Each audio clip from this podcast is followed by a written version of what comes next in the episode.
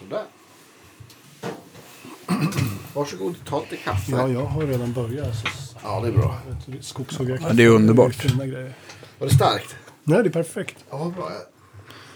Jag tror att jag glömde att räkna. Jag var stod och... Det är inte så jävla Tippade i. noga. Kaffe ska vara starkt. Ja, den här var bra. Nu blir jag glad. Men vi här på Guitar Geeks, vi gör gärna reklam för, för eh, Classic eh, mellanrost va? Ja. Det är gott. Press, presso ska det vara.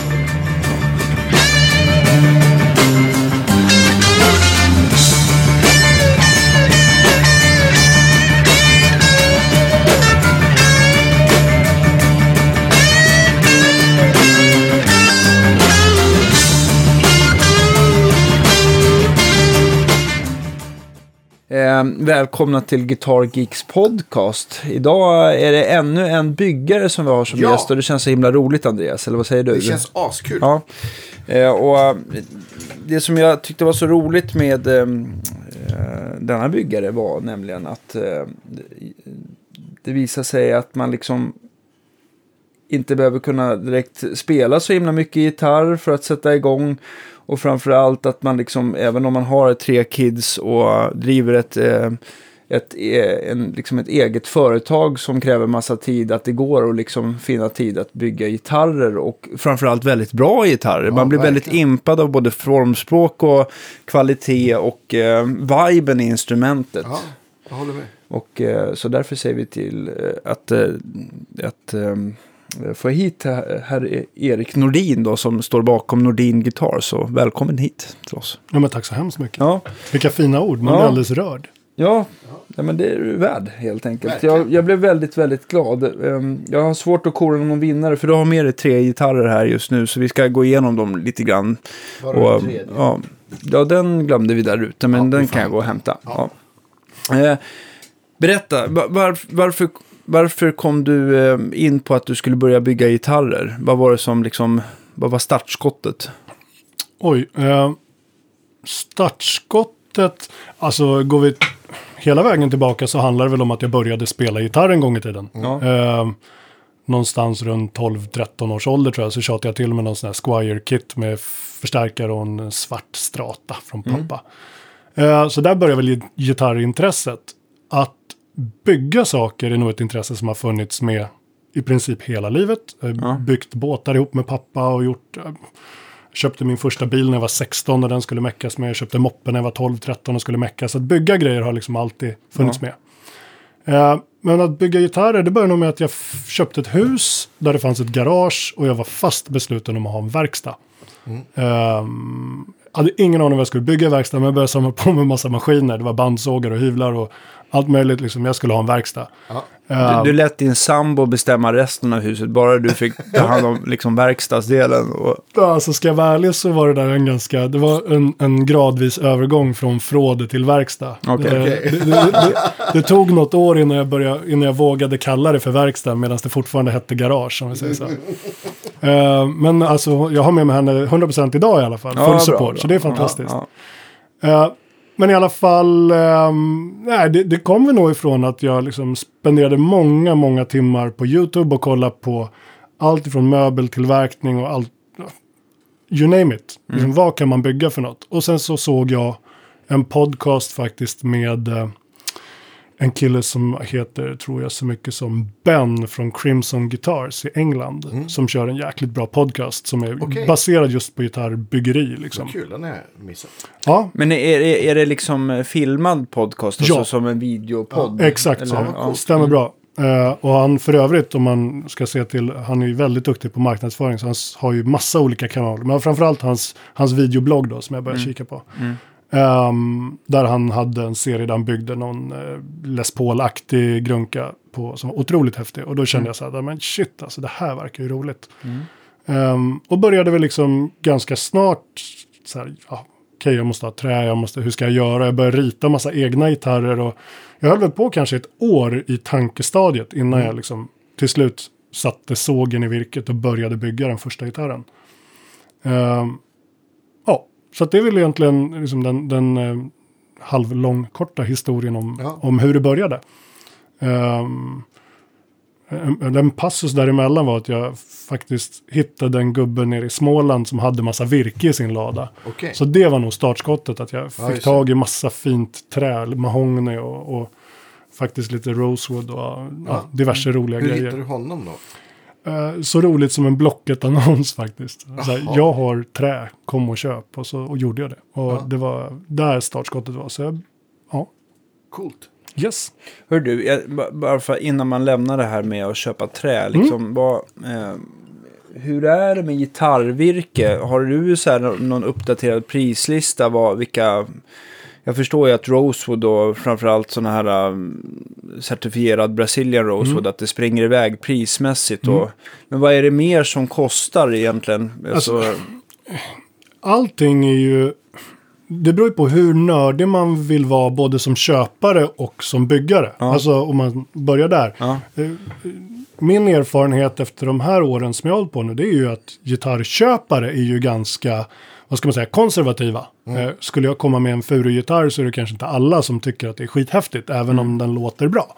Utan det ska vara mahogny och det ska vara mm, lönn och det ska vara quilted och det ska vara flame och det ska vara liksom allt det här. Och en greppbräda måste ju absolut vara ebenholts eller rosewood och så vidare. Och så vidare. så att det har ju någonstans liksom satt ramarna. Men de är ju där också för att det är jävligt bra resonanta ljud. Alltså, det är fina tonträn. Så det, det finns ju en anledning till att de är så omtyckta som de är. ja. Ehm, Finns det, finns det någon anledning varför liksom svenska eh, träslag inte har, har liksom slagit så här jätteväl ut i... oj. Alltså nu, det här det är ju kanske en fråga du ska ta med någon som har gjort det här i 45 Ja, år. jag, vet, jag, prat, jag, jag pratat faktiskt en del Ja. med, med världens bästa Lars Rasmussen. Ja, just det. Och han, han menar på att egentligen är den här europeiska alpgranen eh, och den som vi har hos oss är ju ganska lika. Alltså, eh, det är ju samma virke mer eller mindre. Men Ja, han menar med att eh, på grund av att vi ligger så långt norrut så liksom vrider sig trädet mycket mer efter solen. Ja, det stämmer. Och därför blir inte ådringen alls lika fördelaktig att bygga i till exempel som den nere i södra, Mm. Ja, det, det, södra det en, Österrike. Eller, ja, man, man kanske ska hugga den på nordsidan för att det växer Mm. långsammare och så vidare. Massa med det där. Men eh, den förklaringen jag har fått sådär. Men jag tänker också att det finns väl massa andra trevliga eh, träslag som eh, ek och Absolut. valnöt. Och, Ja, absolut. Som, menar, min, första, min första gitarr är byggd eh, där halsen är laminerad björk och valnöt till exempel. Jag menar, björk är ett jättefint träslag Ja. som är väldigt likt lönnen. ja. Ja, det gäller bara att hitta fina bitar som med allt annat trä. Mm. Jag vet, jag köpte någon asdyr Honduras mahognyplanka som var ohyvlad. Och så när man hyvlar den så är det kvistar precis överallt. Så att jag menar, det handlar ju om hela tiden att hitta bra virke, inte bara hitta rätt virke, utan ett bra exemplar av det virket också. Men jag tänker så här, bygga i gitarr i furu, är det inte Mm. också väldigt stor risk att man får väldigt mycket kvistar? Också, eller beror det på lite grann vart man sågar i trästammen Ja, också givetvis? Alltså, mm, åter, nu vill inte jag världsbäst på just furu, men både om man säger gran är ju kvist överallt. Tall finns det ju rätt mycket kvistfritt virke. Ja. Ehm, så att absolut, jag vet många som bygger just eh, elektriska gitarrer, alltså med, med kropp i furu. Och jag vet det att- kallas väl på, eh, i pine va? Ja, exakt. Ja, exakt. ja, och det har man ju sett, för det gjordes väl den här Fender, alltså teleprototypen, den som Ja, kallas för ju Pine. Snakehead. Den Precis. var ju lite tunnare och gjorde Mm. Pine. Vad jag förstår som, jag har ju hört massa förklaringar varför de inte eh, fortsatte använda det. Eh, och det är väl att det är lite sprött sådär. Att om man liksom råkar kan s- slå till Ja. gitarren hårt så kan det fly, alltså spricka isär. Men ja, Det är ett ganska, alltså furu generellt är ett ganska mjukt träslag. ja. Eh, och det är ju skönt att slippa bucklor och, och dings liksom. Ja, Så det, kanske, ja, så det, det var kanske en av anledningarna att de inte fortsatte. Att de valde då Swampers istället. Men, men ask finns väl också i Sverige. Men skiljer sig den mot den Ja. amerikanska Swampers? Ja, alltså egentligen de flesta, om man tittar på, på de amerikanska träslagen, Ja. som, som liksom ask, eh, eh, vad har vi, al, vi har, eh, Asp, hur är asp? Asp har jag ingen aning om Nej. faktiskt. Men, men, men, ja, därför jag undrar. ja. Ja. Ja, men det finns ju liksom alla de här vanliga träslagen som finns. Eh, lind använder man också, basswood är ju lind Ja. till Ja, exempel. Eh, och de finns ju här i Sverige också, men, men åtminstone så, så som jag har förstått det och lärt mig är ju att det är liksom olika sorter av samma art. Eh, och sen så som du säger, de, de växer på olika ställen i världen och det har ju också betydelse. Som swamp ash och vanlig ask är ju två olika saker egentligen. Um, fråga mig inte exakt vad som är skillnaden, men, men det är skillnad på vanlig ask och swamp ash till exempel. Men, men eh, ja, det här finns ju också folk som gärna får göra inlägg om. Men jag Mm, förstår att swamp, varför den blir så pass lätt att den har ganska mycket eh, vattenflöde i sig. Och exakt. när det Torkar ur. torkar ur så blir det ganska låg densitet i trädet och därför blir det lätt. Så. Stämmer. Ja, för att sen så finns det ju ask som inte har det. Jag vet inte om det, vad, det, vad den kallas eller om det kanske inte är nödvändigtvis att all swamp ash eh, är lätt heller. Men, men, eh, men jag tänkte på den här asken som man också kan få se i många av de här boysänkorna från Fender 70-tal. De är ju, ja, det kan variera väldigt mycket. Och sen så bland de lättaste gitarrerna man har känt på från Fender har ju också varit ask. Det känns ju nästan som att de, de har väldigt så här stor Men variabel. vad använder Fenn mest? Ask och Al. al? Ja, och Japan, där är ju väldigt, om man tittar på Ibanez och Fender i Japan, då är det Basswood eller eh, Lind. Ja, Men det, det, det är ju så här klassiska träslag när du ska solidlacka. Ja. Ehm, så att det, det är ju liksom, de är inte jättesnygga, de ser ut liksom som, de är vita och tråkiga. Men de lämpar sig bra, de är rätt billiga att köpa om du köper mycket och så vidare. Men är inte Lind också extra tråkigt för att det nästan är så här att det nästan går åt, Ja, det är ju- drar åt grå... Ja, ja, den, den är ofantligt tråkig, det är liksom inget liv i den alls. Det, det är, ju bara, det är verkligen bara en, en, ett vedträ. Liksom. Otroligt tråkig att titta på.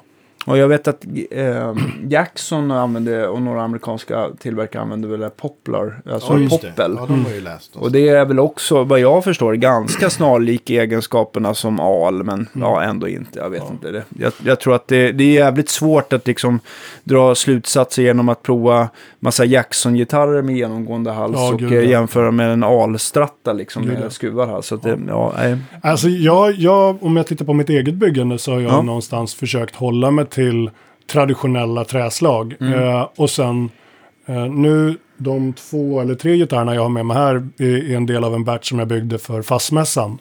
Och där eh, så var tanken att bygga liksom en modell men med olika träslag just för att se hur om inte annat för att lära mig själv mer också, hur, hur de olika träslagen jobbar ihop och hur ljudbilden förändras med olika träslag och så vidare. Så det, det är absolut, men jag, jag försöker hålla mig mer till de traditionella träslagen, även om jag tycker det är roligt att, att flumma iväg lite grann. Är det något träslag som du är extra glad att sätta liksom, eh, stämjärnet i eller, eller sågen i så att säga? Ja, alltså jag försöker i den mån jag kan få tag i, i liksom äkta Honduras mahogny. Ja. Det är inte jättelätt att få tag i, i och med att det är lite handelsstopp på det om man säger. Mm. Eh, men uh, jag är glad ägare och har ett schysst lager med Honduras mahogny. Mm. Så jag använder det till alla mina halsar.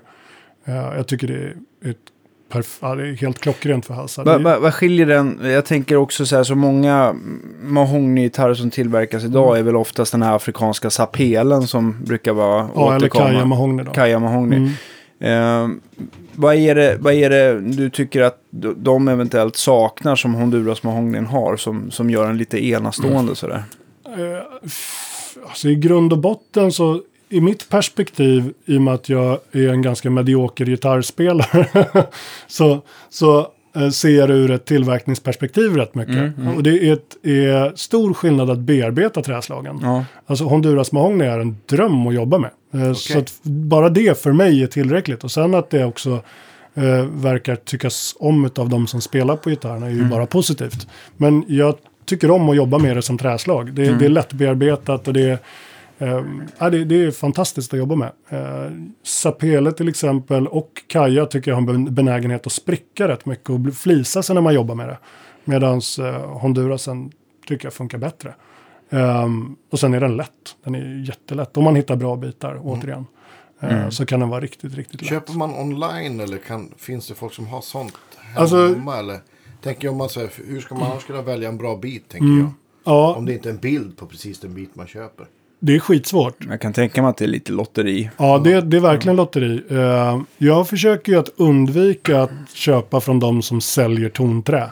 För att det generellt är ju dyrt bara du säger att det är tonträ. Ja, så att, så att, så att eh, vi är några stycken som, som bygger tillsammans eller har, liksom, delar våra erfarenheter och delar kontakter som bygger gitarrer i mindre skala. Som eh, hjälps åt och liksom scoutar Blocket och tra, liksom, Tradera och allt som går för att hitta virke. Ehm, och det kan vara ringa gamla snickerier och så vidare och så vidare. För att se vad har de liggandes. Och sen så får man åka på roadtrip och jaga helt enkelt. För att hitta. Fan spännande. Det måste ändå vara lite gåshudkänsla när man hittar något eh, Ja, alltså, exklusivt. Eller inte, behöver inte vara exklusivt, men alltså någonting som man verkligen ser som bra potential att bygga i. Ja, eh, absolut. Jag, menar, jag hittade ju 50 kilo Brazilian Rosewood under lite mossa i en lada nere i Småland. Det, det var ju rätt chilling, så kan man ju säga. Ehm, Det är väl ganska mycket. ja, det är faktiskt jättemycket. Ja. 50 kilo, ja, det, det, det blir några greppredor. För det är egentligen det man använder det till va? ja, det är Ja. det jag, jag har ju så jag kan göra enbitshalsar och så vidare utav det. Men, men eh, för mig så är det, det är liksom. Ja, Och sen så blir det ju o... eh, Nackdelen med att ha, köpa plankor det är att det lätt blir spill också. Såklart. Ja, det. För att det, vissa bitar går inte att använda och så vidare. Och då kan man ju liksom avyttra det till folk som vill använda det till stall och grejer på akustiska. Ja, så. det, men det är bra. Köpte du all, hela batchet? Ja. ja. Ja. Hur funkar det med Brasilien sen då? Är det, för det har väl varit lite så här restriktioner när man ska skicka Mm. det utomlands och så här. Hur gör man som byggare? Nej, alltså jag hade ju tur så att den här, jag lyckades ju prata ordentligt med den här herren och, och han hade ju papper på var virket kommer ifrån och så vidare så att vi lyckades få ordning på ett CITES-intyg för det. Okej, Eh, så att, eh, men det är lite halvtrassligt att hålla på med. ja. Um, framförallt så, så kräver det ju att eh, det ska finnas ett CITES-intyg, annars är det ju liksom olaglig handel. ja, just det. Så att, eh, Men det där måste det ju... Som kons- förlåt, men som, som konsument. mm, Om jag köper en sån gitarr av dig med, med en bit från den batchen. mm, Måste jag då ha med ett intyg också? ja. Eh, det, eh, om jag inte är helt ute och cyklar nu, så, så länge du reser inom Europa så, så, är, du, så är du rätt grön om man Ja. säger. Men det ska du liksom genom tullar, eh, då är det bra, då ska CITES-intyget vara med. Eh, och det, det är liksom, jag, om man säger då att jag säljer en gitarr till dig med en, Rose, med en Brazilian eh, greppbräda, Ja. då eh, gör jag ett nytt intyg som enbart gäller för den gitarren. Okej, Och den gäller tills dess att du säljer gitarren. just det. Sen måste nästa, då måste du då i din tur ansöka om ett nytt eh, för din försäljning. om du säljer den vidare. Så man ansöker om de här. Ja, Och för att få det här så... så måste det vara spårbart om, bakåt. om jag, precis, då, då får jag liksom visa ett, ett kvitto att jag köpt den av Nej, dig. utan, det, eller, nej. utan då hänvisar du till mitt CITES... eh, Nummer, typ. Ja, mitt CITES-nummer. jag fattar. och det, det intyget som jag har gett till dig, det i sin tur hänvisar till mitt ordinarie CITES-nummer där mitt lager finns, som man säger. Just det, Så att, så att hela tiden så räknas det bort då från mitt lager. Så tar jag en greppbräda så försvinner den måttet och den vikten från mitt ursprungsintyg Ah, okej. och så vidare. Så att det, det är lite, liksom man har fått lära sig hur pappershanteringen funkar. Men ja, det är ett jäkligt snyggt träslag och det är Ja. Bra ljudmässigt också. Så att det, det, jag är lycklig att jag har det. Ja, För, Bra för Brasilien, eh, om man nu ska jämföra den med den indiska palisanden, Mm. det är väl att den, den är liksom lite tätare och att den, den har lite närmare textur som ebenholt så att den är lite slätare helt Ja, enkelt. Den det- är inte lika porig. Inte liksom. lika, inte lika, det, det är lite mindre, men mindre lite porer. mindre porer. Ja, alltså, okej. alltså mindre med porer kanske. Ja, och se- sen så som med, återigen med alla träslag, alltså det är ju lokala variationer för varje bit också. Ja. Så att du kan ju hitta indienbitar som är finare än brasilienbitar också. Ja, eller hur. Eh, så det är ju inte ovanligt Nej. heller. Men, men, men generellt så är det så ja. Och så finns det väl ytterligare en som jag vet inte om det är handelsstopp, men det finns väl en som är ganska snarlik i utseende som Brasilien som heter Madagaskar va? Ja, alltså det finns, det finns eh, enormt mycket olika arter av rosewood. Ja. Eh, och sen om det tillhör palisandersläktet eller inte, alltså finns ju som sagt, ja, ska man gå in på det då, då får man ju bli forskare i trä. Liksom. Ja. Det, det finns ju hur mycket som helst. Precis. Eh, jag har i alla fall förstått i alla fall, jag fick ett litet tips av en gitarrbyggare för att kunna verifiera om det nu är Brazilian Mm. Rosewood, att, att om man skrapar på det så luktar just det rosor. Ja, det, luktar, det har ju väldigt, sna, eh, väldigt stark så här, parfymros eh, blomdoft. Om Ja, som, som, bearbetar. som saknas både på palisanden och, och, och eller är betydligt mindre på palisanden och, eh, och den Madagaskar Rosewooden i alla fall. Ja, alltså både, både Indian Rosewood och Brazilian har ju den här doften. Men den, jag tycker absolut den är starkare på, på, eh, på den brasilianska. Men ska man verkligen kunna, alltså det enda sättet att till 100% verifiera det, det är att göra ett UV-test. Mhm. Eh, och då tar man spånet och löser upp i vatten. Okej. Och sen så lyser det med en UV-lampa. Och Brazilian Rosewood är det enda som inte är fluorescerande. Så att eh, lyser det då med Indian Rosewood spån så kommer det lysa blått om spånen och vattnet men inte om Brazilian. Ja, det här är skitbra. Vi Ja. har lärt oss massor om Så, så, Rosewood. det, det är Så hem och slipa allihopa. Ja, precis. Hem, slipa sönder det. Nej, men så att det är faktiskt, mig veteligen det enda liksom hundraprocentiga Okej. sättet att avgöra det. Men eh, jag har ju också hört just det här äh, att, eh, att jag tycker man ska ändå vara försiktig och resa inom Europa för att jag kan tänka mig att den där, de där reglerna känns nästan upplagt för lite fri tolkning ibland också. Absolut. Så att jag har hört att folk som har rest, eh, liksom, att, ja, Ja, men alltså det, är- att det, det, att det Man kan väl jämföra det lite med, liksom. med liksom Schengenavtalet. Att Ja. även om du reser i Europa och man inte behöver passet så är det ju, är ju rätt korkat att lämna passet hemma. Alltså ta med passet om du har det. Ta med Ja. ditt CITES-avtal om du har det. Jag eller CITES-intyg. Jag skulle inte Mm. lämna det hemma om jag hade det. Det verkar ju dumt dristigt. ja. Så kan man väl sammanfatta den. Precis. Ehm, då har vi pratat Rosewood och, och mahogny. Men jag ser Mm. att den här gitarren också är gjord i ask eller swampers här. Ja, stämmer. Eh, hur tycker du att det materialet har varit att arbeta med? Alltså det, det luktar ju träskmark. Jag är ju mycket för det där att det ska vara behagligt att vara i verkstaden när man jobbar. Ja, det är så. Alltså, det, luktar, ju- det luktar ju, ursäkta uttrycket, prutt när man jobbar med det. Ehm, men det är det många träslag som gör, men jag tycker det var nog en av de värre faktiskt. Ehm, Okej, så det var första, enda och sista gitarren? Nej, nej, Eh, gud nej. Gud nej. nej det, är, det är jättetrevligt att arbeta i, i liksom hur, hur det bearbetar, men, men eh, det luktar inget gott. men sen så just, eh, nu pekar jag på gitarren, jag inser Ja. att det är fantastiskt, men just den där svarta, eh, den är ju eh, en open grain finish. Ja, det är skitsnyggt tycker Ja, jag. verkligen. Och det, alltså, vad man ser är att du har ju medvetet gjort den, den är mattsvart. Ja.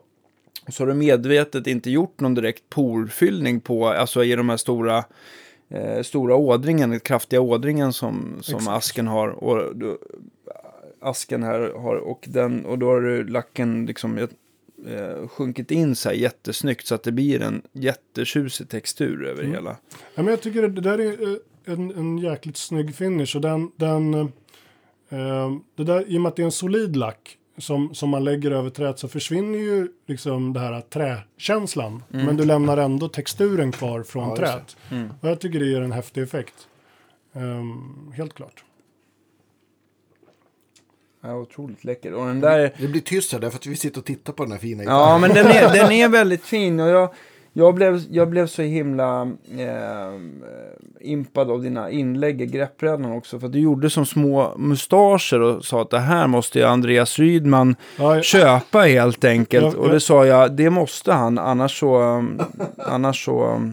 det, roliga är att jag såg ju inte det då du, då du visade den här gitarren för mig Jag, på jag flög, flög ju på Rydman på, ute i gången på fastmässan när han kom gående och, och skrek åt honom att här och här har du din, din signaturmodell, ta och spela en stund på den Ja. här. Och så missade han att det var mustascher på greppbrädan. Och det, är, och det är inte bara på ju greppbrädan, och även på de här uh, Jajamän. sidomarkeringarna har ju. Nej, är det Ja. också Nej, kolla. Jajamän. Det, där, det, var ett, ett, det var ett jäkligt spännande projekt. Alltså, jag, jag, Fasen gjorde du de här på ja, sidan. exakt. Eh, Vi lovar att lägga upp jättefina bilder. Ja, men gör det, ska absolut. jag göra? ja, jag, Det här är ju episkt. jag har ju själv inte sett eh, liksom något annat än, än små dot-inlays eller liksom enkla inlays just som, som side dots. Så jag tänkte att det skulle vara en kul grej att prova och göra det där. Det blev väldigt, väldigt snyggt. Ja, det, jag tycker det har varit en jätterolig, det är ju helt klart annorlunda. Men, men sitter de i greppbrädan eller, Ja. eller var du tvungen att skrapa lack, ur dem ur lacken? Eller Nej, nej, de, de, de sitter i greppbrädan. På just den där gitarren så är det ju en, Ebenholts, en helsvart Ebenholts just. greppbräda. Eh, och i och med att den är mattsvart lackad så, så flyter det ihop väldigt bra. Jag har lyckats hitta en svart nyans där som jobbar väldigt bra ihop med den svarta ebenholzen. Ja, Men men- jag, jag antar att mattsvart också finns väl i massa olika liksom, Oh ja. eh, varianter. Kan man säga någon matthetsgrad där eller blankhetsgrad eller vad brukar man säga? Ja, alltså det, jag, 20 jag vet eller? inte. Alltså jag blandar ju alla mina färger själv. Eh, så att den är ju baserad liksom på en, en eh, vad ska man säga, en bas som sen är pigmenterad och så har jag jobbat med, med att ha i, man har i liksom medel som gör lacken matt. Så jag kan inte gå och säga att det här är en speciell färgkod och en speciell glans. Ja, Utan det är, jag har ju stått och vevat det här ute i mitt garage och fått till en nyans. Du har jag luktat dig till en Ja. perfekt... eh, Precis, det luktar, jag kör ju bara vattenbaserad lack så den luktar ju ingenting. Så det är ju Ah, rätt fantastiskt. Men annars har du rätt. Men, men vattenbaserad Ja. lack, det, kan man säga att det är det som... eh, För cellulosa är väl ett tinner... Ja, en eh, lösningsmedel. som- Ja, precis. Ja, och det finns väl... eh, Alltså det, det är ju fel att säga att den är vattenbaserad, det är den inte, utan den är vattenburen. Okej, Eh. sen så när det dunstar så finns det inget vatten som kan lösa upp den igen. Exakt så. Nej. Så att, så att det är fortfarande en alkoholbaserad lack. Det, jag kommer inte exakt ihåg vad, vad, vad liksom bindemedlet är, men det är, det är en alkoholbaserad lack, men den är, är utspädd i vatten då. Hur, hur, hur är den att arbeta med? Skillnad kanske mot cellulosa Mm. eller det finns polyuretanlacker och allt möjligt. Det är svårt. Jag vet inte var gränsen går här. Om det här. Alltså, det, det, det är ju svårt att liksom försöka sammanfatta det kort. Men jag har provat lite olika vattenbaserade lacker Mm. med extremt dåliga resultat. Ja. Eh, sen hittade jag återigen genom, genom YouTube och diverse blogginlägg och så olika saker. Så till slut hittade jag en tillverkare i USA som folk var helt lyriska över på andra Mm. sidan dammen. Och jag gjorde en chansning i ett jättelitet företag. eh, och de hade en serie med, med färger som var just framtagna, eller de hade en serie anpassad för instrumentbyggare. Mm. Eh, och det var framförallt en klarlack där då, som hade fått väldigt bra kritik då. Så att jag gjorde ett, eh, ett test och mitt i svinkalla vintern beställde massa liter med färg vattenbaserat från USA. Och jag tänkte inte riktigt på det, att det skulle flyga flygplan och stå kallt och såna här saker. Så hälften kom ju fram fruset och hälften kom fram schysst. Okej. Men- Och det frusna, det var bara... Nej, det är bara slänga. Ja. Det, det går inte att Nej, använda. vad tråkigt. Ja, det var lite synd. Men eh, fantastiskt att jobba med. Och jag menar resultatet tycker jag är i, det är i klass med cellulosa. Eh, det går på tunt, det polerar jättefint och det, ja, ja det är Va, kanon. va, vad har det för fördelar mot cell- cellulosa? Är det att det är mindre giftigt att arbeta med? Att du liksom inte behöver stå med, med, eh, med värsta utsuget och Alltså, gasmask? För mig handlar ju mycket om att jag, jag, vill vara, jag vill vara den enda som jobbar på mina gitarrer. Jag är lite ego där. Jag, jag Ja, vill ja, inte skicka iväg en gura på lack. Jag vill helst inte skicka iväg den för att få saker gjort. Utan jag vill göra allting i den mån jag kan. Ja. Eh, och där är var lacken en viktig grej. Jag, menar, jag tycker det är kul att, att lacka. Men att stå hemma i mitt enbilsgarage eh, i villatomt i, i Vallentuna, norra Stockholm. Det är ingen hit att köra med cellulosa där. Nej. Och bygga ett lackbås bås med filtrering och grejer, det var inte heller på kartan. Så att eh, det var liksom ett litet självändamål att hitta en lösning med en lack som inte luktar, som inte är giftig, som funkar att jobba med hemma.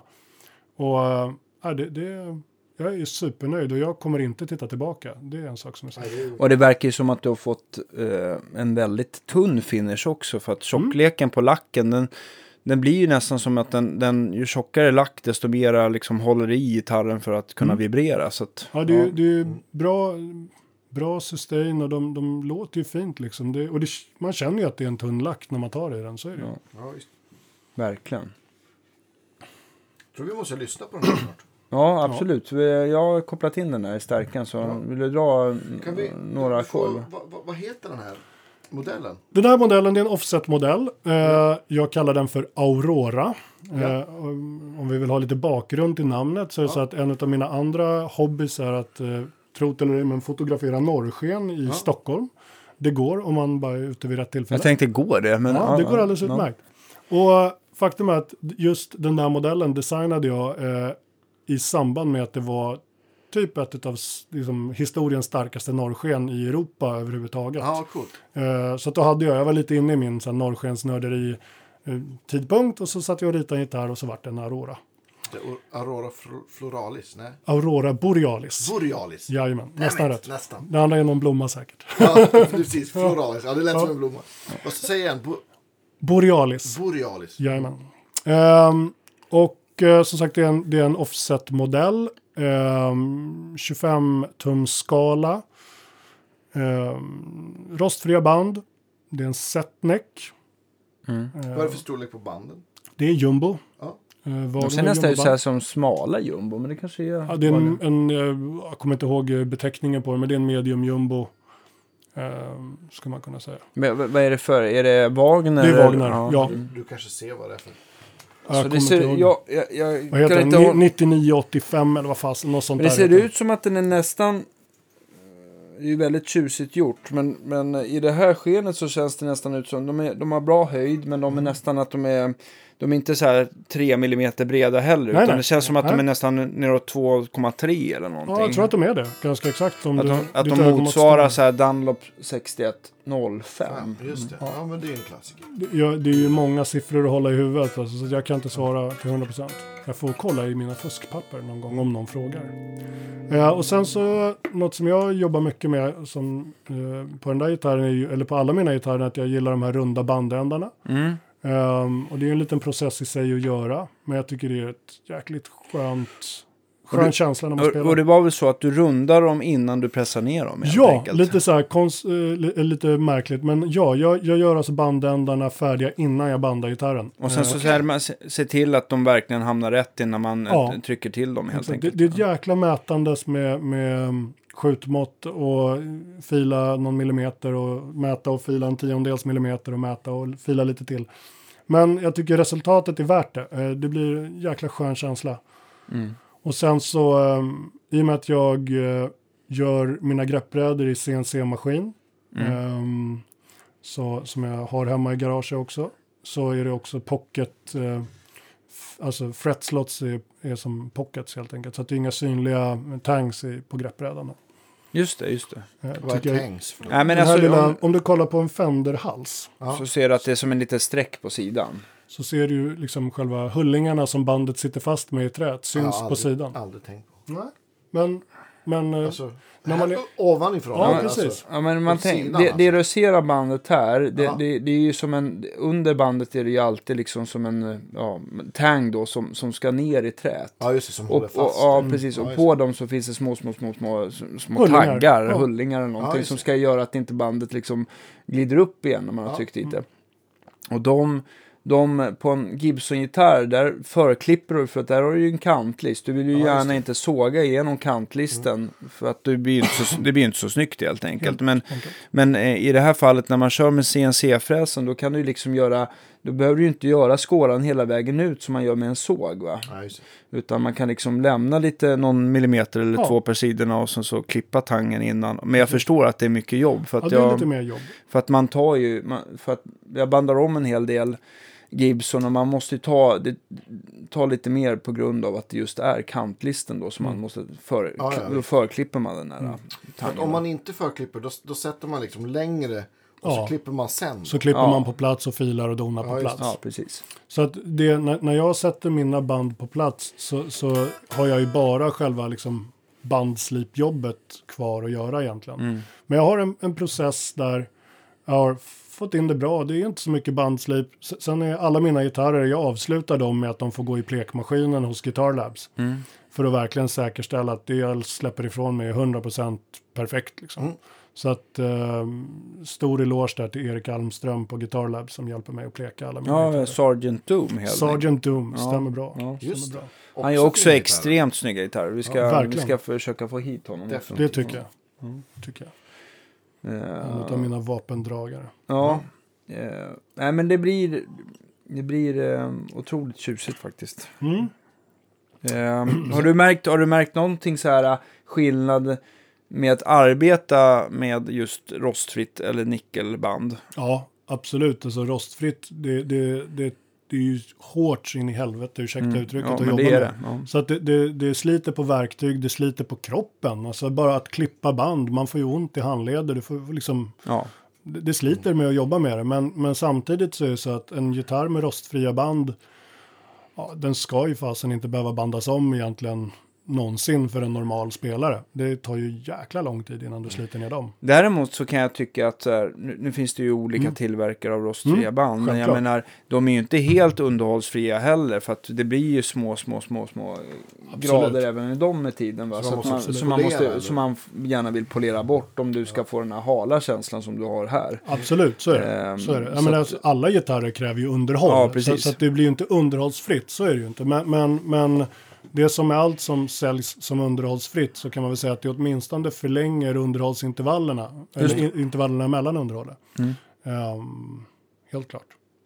Eh, en annan grej som jag tyckte var lite roligt med den här gitarren också, du har monterat ett Bigsby och det är ett licens Bigsby och det kan man ju tycka att det är lite så här att man snålar in, men jag tycker faktiskt att de har varit mer exakta och, och fungerat mycket bättre än de här uh, riktiga Bigsby-replikerna. Som, Okej. Och jag vet inte om de, jag tror att de görs på lite olika sätt. De här uh, original Bigsby då, de är väl liksom gjutna i någon, alltså Ja, de, i är, någon de, är, form. de är sandgjutna. Ja, Så att där, där, där kan man säga att där tillverkas ju en ny form i, i hårdpressad sand inför varje gjutning. okej. Så att det är som en stämpel som stämplar ut i sanden så blir det en gjutform och så slår de i gjutmaterialet. Och, just så. just och det gör ju att den blir ganska grov och liksom Ja. Inkonsekvent skulle jag inkonsekvent i, i, i gjutningen. Och de här håller ju betydligt högre kvalitet. Sen visst att den är 100 spänn billigare. Ja, jo, det må vara. Men ja, det räcker det? Jag trodde det var ännu mer. Nej, det är 100-200. För en sån där, skillnaden mellan B5 och B50 är någon hundralapp eller 2-3. Det är inte några Ja. astronomiska skillnader. Men vi kan väl i alla fall eh, glatt säga att köp den billigare. Ja, gud ja. Ja, och sen, den- sen så passar ju den bättre finishmässigt ihop med, eh, med alltså nickel eller krom beroende på vad man väljer. Den här sandgjutna, den matchar liksom inte riktigt något av det, tycker jag. Ja, den, precis. Den blir lite dimmigare. Ja, liksom. exakt. Ja, ja. Men den här är inte gjord i aluminium heller. Jo, det är Jo, gjutaluminium Okej, okej. Okej. Annars så hade den vägt ännu mer än vad den gör. ja, just det. Just det. Den är tung nog som det är. Och sen så är det ju så här att jag tycker oftast de här Bigsby-modellerna som har den här extra trycksadeln på grund av att det ska bli en form av eh, strängvinkel då. Mm. Om ni tänker att det finns ju också de här som sitter på oftast på halvakustiska gitarrer. Ja, just det. Gr- Gretsch. Mm. Där är det oftast att de går ut från, från, från sargen och så lägger man dem bara på kroppen i princip med, med två filtkuddar eller någonting sånt där. Och sen så är med hjälp av halsvinkeln och att stallet hamnar ganska högt över kroppen så räcker det för att liksom Mm. hålla allting på plats. Liksom. Och de brukar vara mycket lättare att få hålla stämningen. Mm. Alltså jag vet inte hur många gånger jag tycker man liksom man tar isär och smörjer upp och liksom försöker få, det, få den här extra rullen och, och verkligen vara liksom friktionsfri för att få det att hålla stämningen så bra som möjligt. Ja, det har varit nästan omöjligt på de, många av de här originalen. Det, det är verkligen lotteri alltså. Ja, just på den där, just på den gitarren du håller i där, där Mm. har jag gjort också halsvinkeln lite, så att det är lite mer halsvinkel på den. Ja, Så att jag ska, för att höja, kunna höja stallet ytterligare lite grann, ja just för det. att få en bättre, eh, bättre vinkel ner mot, mot svajet. Där. Men det är inte bra heller om svajet tänker jag blir för brant Nej, nej. vinkel heller. Nej. För då blir det ju också att det blir svårare att, Ja, det där att är hålla en stämningen. ganska optimal vinkel. Perfekt eh, avvägning. Ja. Och sen så, eh, det du har gjort med den här, det är två stycken mini-handbackers. Ja, från Eh. Johan Lundgren. Ja, Ja, the one and only. Som vi Jajamän. hade i podden här om veckan. jajamän. Och sen så, eh, vad heter det, en eh, volymton. Ja. Eh, treläge switch, vanlig klassisk amerikansk eh, gedigen CRL-switch eller någonting. Ja. Och sen så eh, två stycken eh, miniswitchar eller mindre switchar som man, Ja. man, som man känner igen från typ, eh, inte, Jazzman. ja fast det är Ja, treläges. Det är tre, det är väl Mustangen som har treläges. Ja, just det. Just det. Ja, är det tre Eller- ja. där? Ja. Ja, spännande. Så du har, eh, du har eh, handbacker då, då. Nu ska jag vrida på lite rent volym. Um, Singelcoil-läget. Parallell. Man kan alltså ha dem i serie och parallell, mickarna. Ja, precis. Ja. Alltså, eller spolarna i varje. Ja, Spolarna precis. i varje mick. ja. Så att jag blandar, på den där så har jag inte blandat ihop mickarna någonting. Utan de är fortfarande två individuella mickar Ja. som går att koppla antingen som eh, serie, singel eller parallell. Då. Ja. Och sen som är som sagt trelägesswitchen, den vanliga hedliga lägesväljaren där, så kan du välja fritt mellan mickarna då. Så du kan spela ja, som du vill helt enkelt. Om du vill ha singel fram och handbacker bak eller tvärtom. Ja, Ja. Det är fritt fram att välja. Eh, tycker det är väldigt snidigt sådär. Eh, sen är det svårt att hitta, eh, vet du, alltid handbacker som... eh, Ibland tycker jag så här, många splittbara handbackers har en tendens att de låter oftast väldigt bra som handbacker. Sen blir det här splittade läget lite si och så. Mm. Ja, det blir lite, Eh, li- lite för svagt. Ja, men det blir lite Och för tunt. tunt och brilligt. Eller det blir inte, det blir inte som, en, som ett bra stratta. Men jag tycker det funkar bra här faktiskt. Alltså, jag vet inte, ju- jag, jag var ju jäkligt orolig i och med att det är en mini-handbacker. Och jag menar, Ja. spolarna på den är ju pyttesmå. Ja. Och att den ändå låter så pass mycket. Och, och liksom, den har ju mycket ljud trots i singelläge Ja. också. Så att det, jag är otroligt impad. Alltså, kunde du spesa dem på något speciellt sätt? Eller var det bara standard? eh, Nej, alltså, och jag ringde Johan och sa, hör du, jag vill ha två stycken minihandbackar så jag ska kunna splitta dem. Mm. Och då på sitt bästa Jönköpingsmål så säger han att det löser vi, helt Ja. enkelt. Jag tänker inte imitera Johan Lundgren, det blir inget bra. Nej, men han är väldigt positiv och Ja. glad. Ja. Ja, fantastiskt positiv och glad. Nej, men så han löste det. Eh, nej, men också, och de sitter i varsin eh, nickel-silver-kåpa. Jajamän. Är det pillat någonting med, jag tänker på de här tre olika lägena, att det är något motstånd eller grejer eller? Nej, det sitter ett, ett, eh, bara som vanligt på ton, ingenting annat. Ja. Så att det är inga extra komponenter där. Så det är ganska simpel liksom, eh, koppling om man säger. Men det ger ju ganska många ljudmöjligheter. Det ger Ja. jättemycket ljudmöjligheter. Ja. Absolut. Så man kan, eh, om man ska nu hårdra de stora, största skillnaderna så kan man ju gå allting från ganska, eh, om man bara drar ner tonkontrollen lite grann och kör halsmicken lite fullt. Att man kan få stallmick och eh, ganska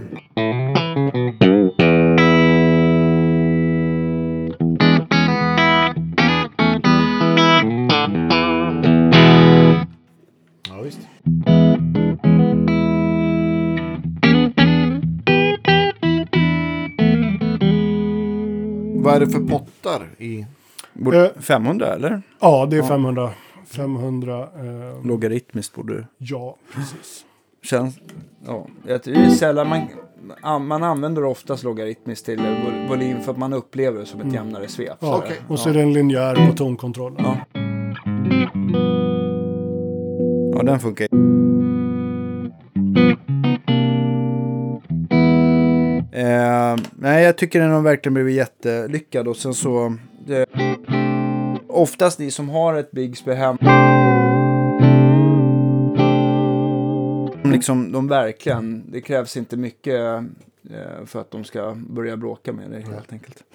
Och sen så, just den här modellen, de är gjorda så också att jag har anpassat fräsningen i kroppen så att det går att sätta in liksom vilken mick man vill egentligen i den. Ja, just det. Du kan Ja. byta. Det är som en poolfräsning lite Ja, grann, det är en eller? bordfräsning, precis. Ja. Eh, vilket gör att eh, ja, det är så här jag har gjort dem nu. Men jag menar, säg att man gillar en gitarr men nej, jag vill ha single coils i den. Jag vill, eller jag vill ha en lipstick i halsen. Jag menar, då, då är det ju bara ett plektrumskydd bort egentligen. Ja, visst. Så det är väldigt lätt att anpassa gitarren efter exakt så som man själv vill ha den.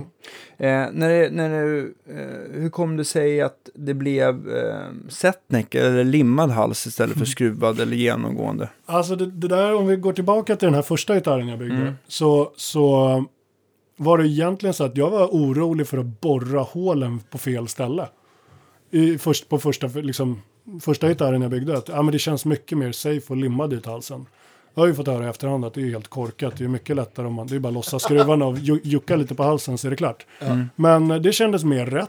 Eh, jag är bekväm med det och eh, nu har det blivit en del av min, liksom, min process och det är så jag bygger mina gitarrer. Att, Ehm, ehm, men i grund och botten handlar det om att jag var rädd. hur skulle du förklara att, att det är egentligen svårare att, att limma en hals på plats jämfört med skruva? Eller vad? Alltså, limmar du dit halsen så sitter den där sen. Ja. Du kan ju inte göra en halsomsättning på en limmad gitarr. Utan, eller på en limmad hals. Utan den, den sitter ju där den sitter. Eh, har du fräst fickan lite, lite fel så då är du rökt.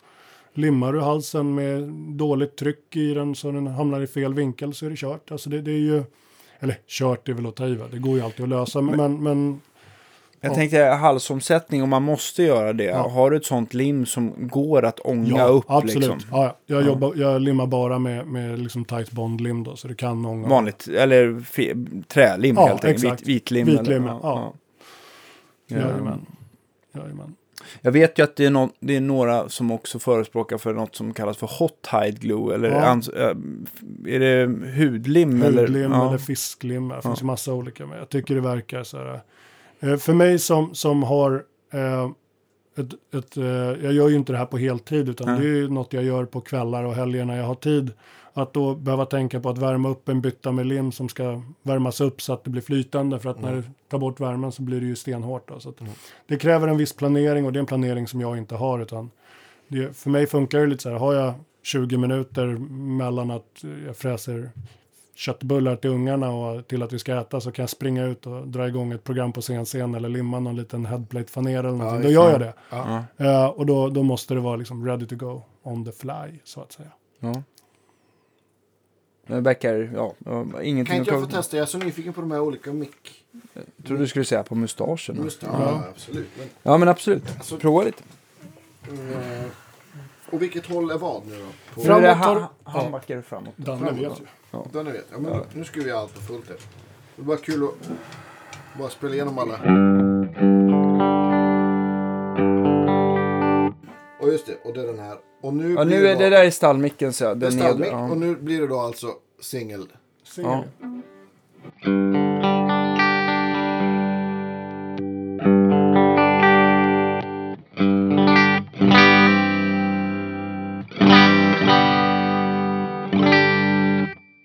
Den här var då Humbucker längst fram, och parallell längst bak. Längst bak. längst bak.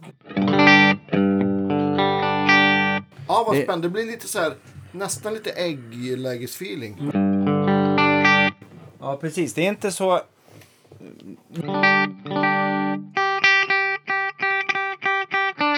När man bara växlar det snabbt ibland så är det svårt att höra skillnad. Men Ja. så just när man tar ackord så känns det som att det blir lite, lite kluckigare med den här Ja, det är parallell. lite kluckigare och lite, lite någon mer liten lågmiddag också.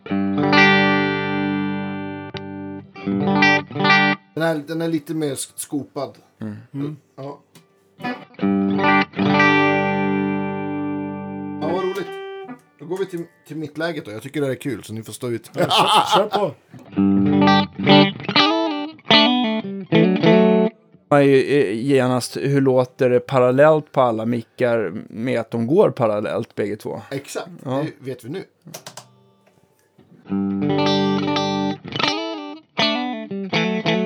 Kallade superäggläget. Precis.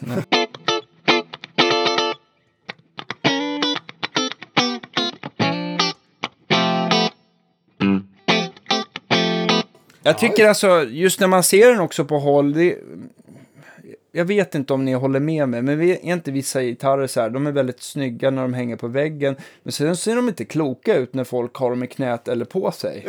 Jag har med? tänkt på. Har du inte tänkt på Nej. det? Men nu kommer du göra det. Nej, men den här ser faktiskt väldigt bra ut när den är, liksom, när den är på någon också. Jag tycker att eh, verkligen... Jag börjar tänka på gamla Supro-gitarrer. Är jag ute och Ja, cyklar? Nej, men absolut. Alltså, jag- Jag letar ju mycket inspiration. Alltså, eh, det är så när det kommer till gitarrer, allting är ju redan gjort en gång. Mm. Alltså mer eller mindre, så länge man inte gör väldigt konstiga spacade grejer. Men allting Mm. som ser hyfsat traditionellt ut så, så finns det ju alltid en koppling på något sätt. Och absolut, jag, jag är helt klart inspirerad av, av uh, Supro, Dan Electro, liksom, hela den genren. Jag tycker det är skitsnygga gitarrer. Mm. Sen med just den här modellen så vill jag ju också flörta lite grann med folk som spelar alltså, typ strata.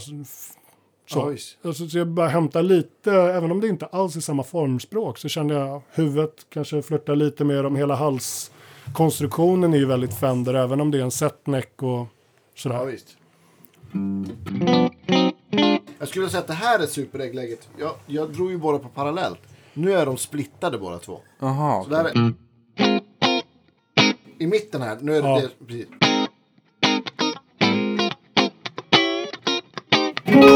Tänkte att det var split på split, att det var det som var supersplitten. Ja, okej. ja. Jag, jag splittade på parallellt.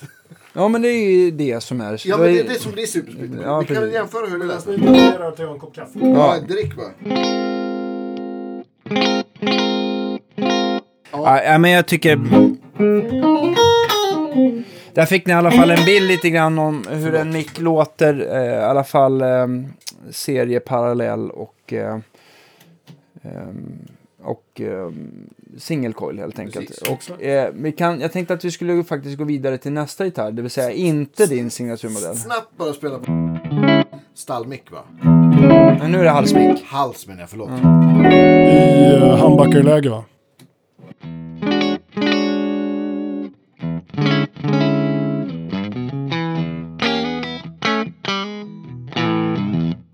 Och parallellt. Parallellt, ja. Yeah.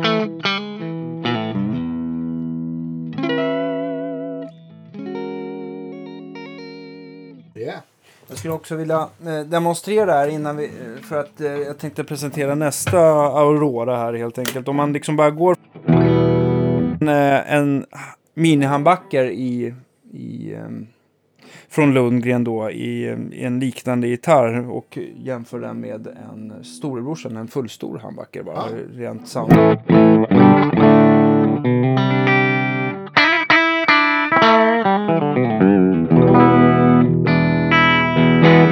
Så växlar vi nu. Och vad är, det, är det Lundgren i den här Ja. andra också? Sitter Lundgren Heaven 67 i den här. Jajamensan. I övrigt är allt detsamma. Det är splittat. Ja, nej, det är... Det är nästan cleanare tycker jag. Ja, men lite snällare sound.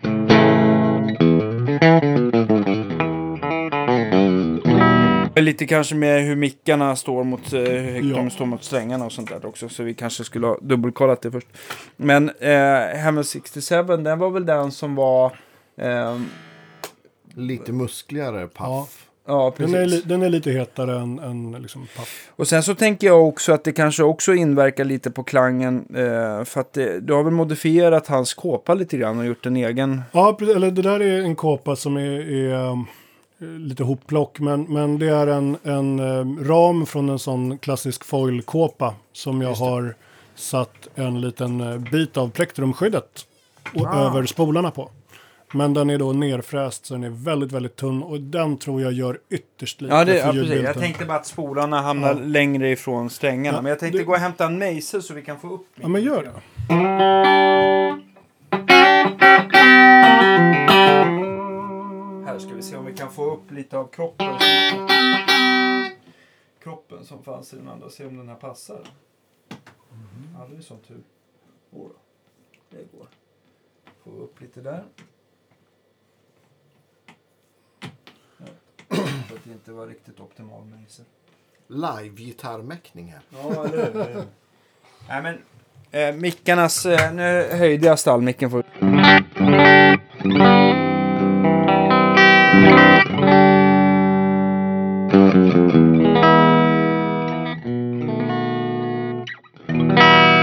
Och skulle jag svaja. Ja, du har ju svaj på din signaturmodell. ja, så exakt. Exakt. Och där är då den splittade det är single ja, coil. single coil. Ja. singel. Och parallell.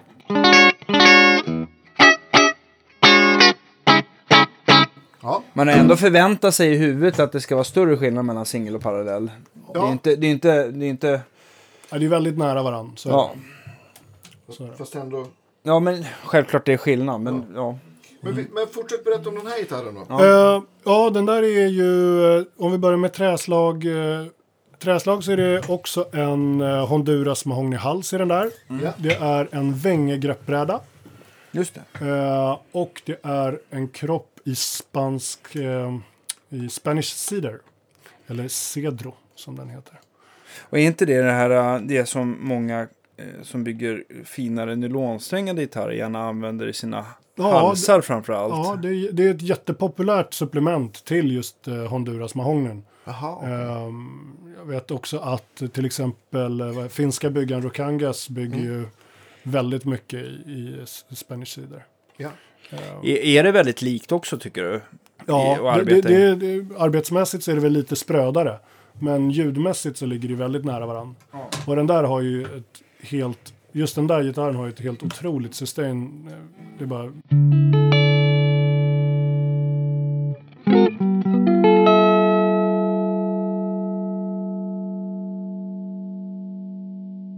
Ja, den låter...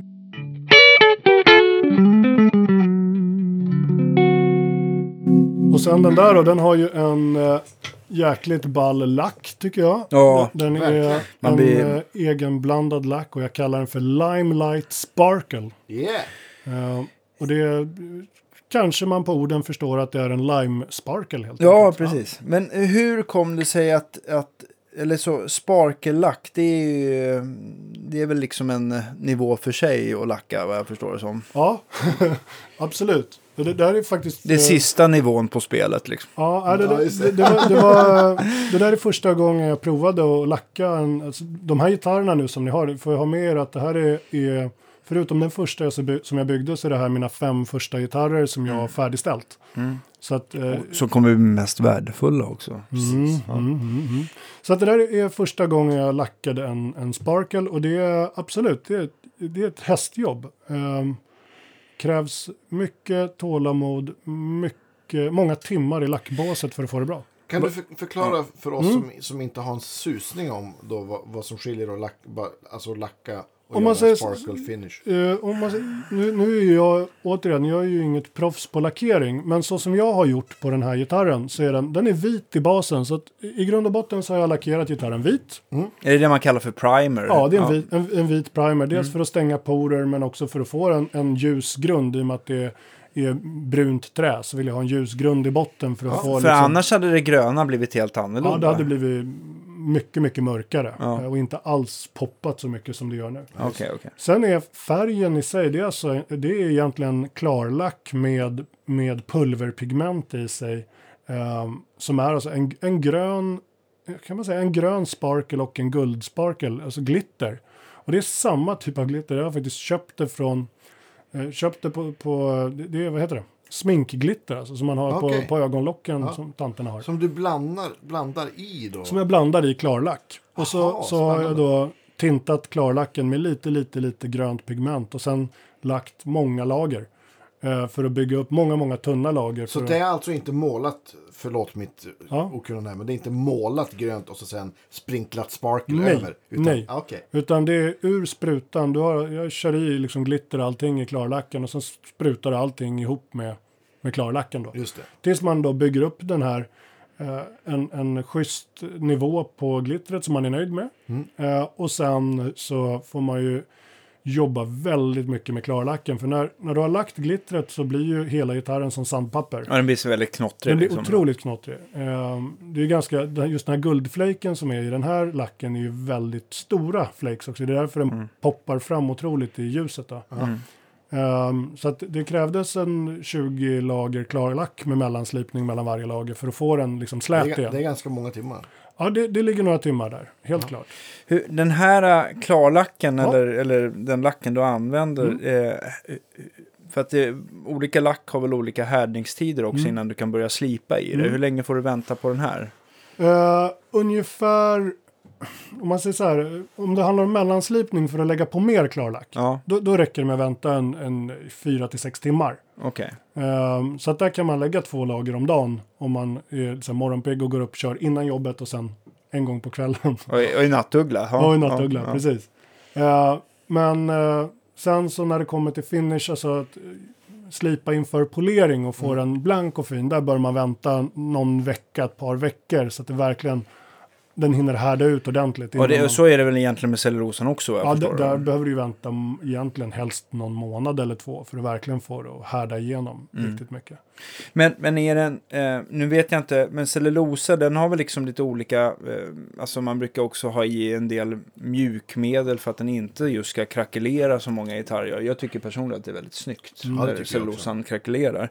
Eh, har den här, eh, tänker man samma sak med den här eller är den här en, liksom en motståndskraftigare lack som inte liksom det- har det- lätt att mm, spricka upp på det sättet? Den, den är ju hårdare än cellulosan, så den, Ja. den tål ju mer stryk än vad cellulosa gör. Ja. Men den är ju inte, inte i närheten av lika hård som liksom en, en polyesterlack som du ser från de stora tillverkarna, liksom där det ligger en kakaplast över hela gitarren. Eh, utan det är betydligt närmre cellulosalacken. Ja. Men så jag skulle säga, känslan att ta i den och hålla i den är ju cellulosa. Mm. Eh, men eh, den, eh, den tål lite mer stryk. Men det som jag gillar med den också, det är att jag tycker att vissa lacker, alltså man känner direkt när man får en plasthals, eller en plastlackad hals i, i näven för att det känns, det känns plastigt på något sätt. Det går liksom inte att komma ifrån.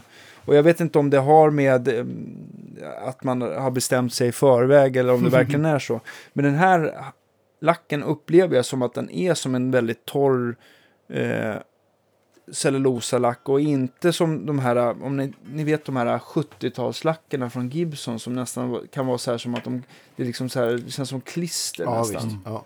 Att det är så sjukt mycket mjukmedel i dem och det känns som att oavsett vad du använder för gitarrpolish så är det skitsvårt att få upp eh, glansen och eh, bort det här ingrodda smutset. Det Ja, känns bara som att man håller bara på smetar ut någon kära eller någonting. Jag har en sån här, en, en, eh, någonstans 90-tals Ibanez Blazer strata hemma som är så här, vet, bara tar man i halsen och så släpper man handen så här, då hänger gitarren kvar i handflatan. Jag vet inte fan vad de har gjort med den där lacken, men det, det är absolut, jag förstår vad du menar. Ja, men slipper man ha axelband. Ja, det är fantastiskt. Var, spela i bara överkropp, sätt fast gitarren på magen och Ja. kör.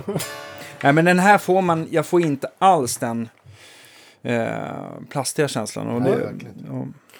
Men i övrigt så är den ju, om vi går tillbaka till den här gitarren, Ja, så, så är den ju eh, samma upplägg som alla andra mina Auroror. Det vill säga att det är en arm bevel på den. Eh, samma form. Ja, det är inga större utsvävningar egentligen. Eh, det är, jo, jag har en jätterolig utsvävning som jag vet, jag tror jag är ganska ensam om det. Det är att alla mina gitarrer, de har eh, 23 band. Okej. Bara för att jävlas lite med alla förståsigpåare. Jag, jag vet, man har inte så mycket användning av det, men det, det är en liten kul Ja, feature. det, här, det här tolererar jag inte. Hä? Nej, jag skojar bara. Nej, men det är ju... Ja, det är jättebra om man spelar i, i, eh, i B-tonarter då. Då kommer man ju upp till ett S. Ja, du Det är ser, toppen. Ja. det ska jag börja använda Ja. som argument. Ja. Ja, eller Nej, jag... Jag, eh, jag spelar på dem för lite för att jag ska se det som ett problem. Men det kanske skulle varit ett roligt klavertramp på någon gång. Nej, jag, Precis. Jag du ska göra grundtonsvibrato på, på höga D. Fast du tar, tar minus 9 istället. Eller hur?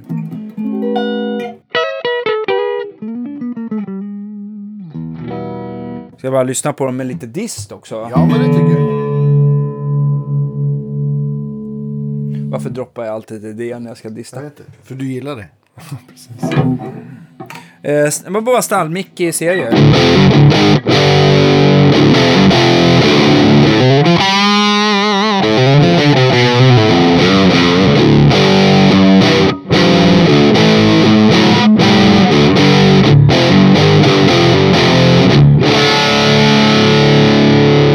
Låter väldigt fylligt. Ja, jag, Och, och stort. Jag vet inte hur det uppmickade ljudet kommer bli, men det, eh, det, vi har mickat upp en, eh, en ny Olsson-förstärkare som heter BJF 100 och för er som är snabbtänkta så är det faktiskt ett samarbete tillsammans med Björn Juhl, the one and only som vi har pratat så mycket om. Eh, som har designat hela preampen i den och John med hans fantastiska hantverksskicklighet har satt ihop eh, med slutsteg till eh, denna Och bygger den också. Ja, bygger den också. Så att den, eh, den eh, visades nu på fastmässan precis som dina gitarrer. Så att det, ja. Två nyheter, en var det andra. Helt svenskt. Ja, Yay. eh, jag tycker den låter grymt. Får man testa? Ja, varsågod. Ska jag stämma upp den också? Ja, inte- Jag vill bara påminna om att det är 23 band på den här. Glöm aldrig det. Precis. Eller också man spelar i... Ja. Om man minus, minus fem där, det är skitbra. Ja. Ja.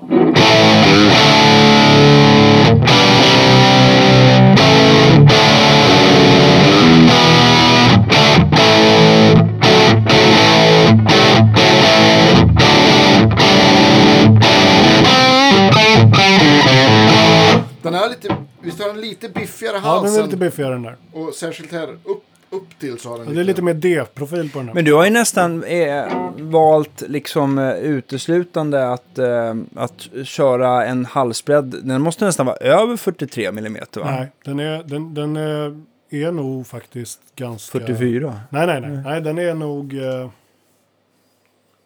42,5 faktiskt. Eh, om jag inte är helt eh, ute och cyklar.